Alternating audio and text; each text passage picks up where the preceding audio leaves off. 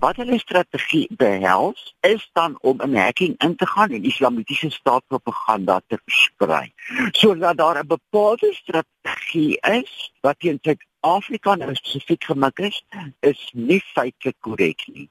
Wat ons waarskynlik hier het is 'n individu wat ingegaan het, wat gehack het en wat islamitiese boodskappe versprei het omdat die persoon geweet het dit gaan 'n daadwerklike reaksie lok. Ons moenie alarmisties wees hier. Daar is twee tendense hier baie duidelik dat ons regering se rekenaarstelsels daadwerklik opgeskerp sal moet word.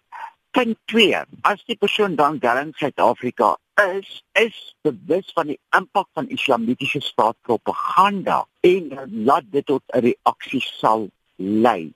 Suid-Afrika staan nie geïsoleer van islamitiese propaganda nie. Daarom sien ons ook hulle hele strategie nou om die sogenaamde lone wolf attacks aan te hit. Die boodskap sluit af met die woorde ek is lief vir die islamitiese staat.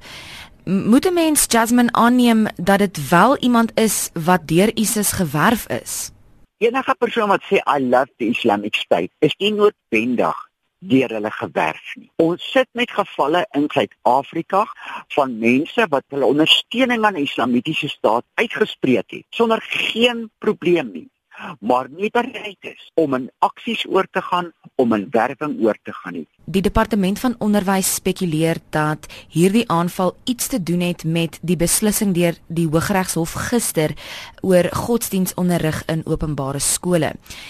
Jasmine, wat is jou mening? Dink jy dat hierdie twee gevalle met mekaar verband hou?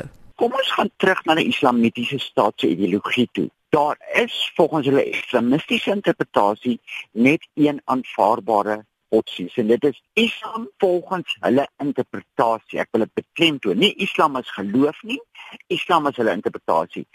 Enige iets daarbuiten is haram as is 'n vyand wat geteken moet word. Met ander woorde, die boodskap is in lyn met hoe hulle dink en hoe hulle optree. My gevoel op hierdie stadium is Is daar 'n korrelasie? Ja, ek dink daar is waarskynlik 'n korrelasie. Is dit 'n geval van die Islamitiese Staat as 'n organisasie? Hoogs onwaarskynlik. Ons sit met 'n individu wat sy oppositie teenoor die die nuwe beleidsrigting wil wil bevestig en beklemtoon deur van islamitiese staatpropaganda gebruik te maak.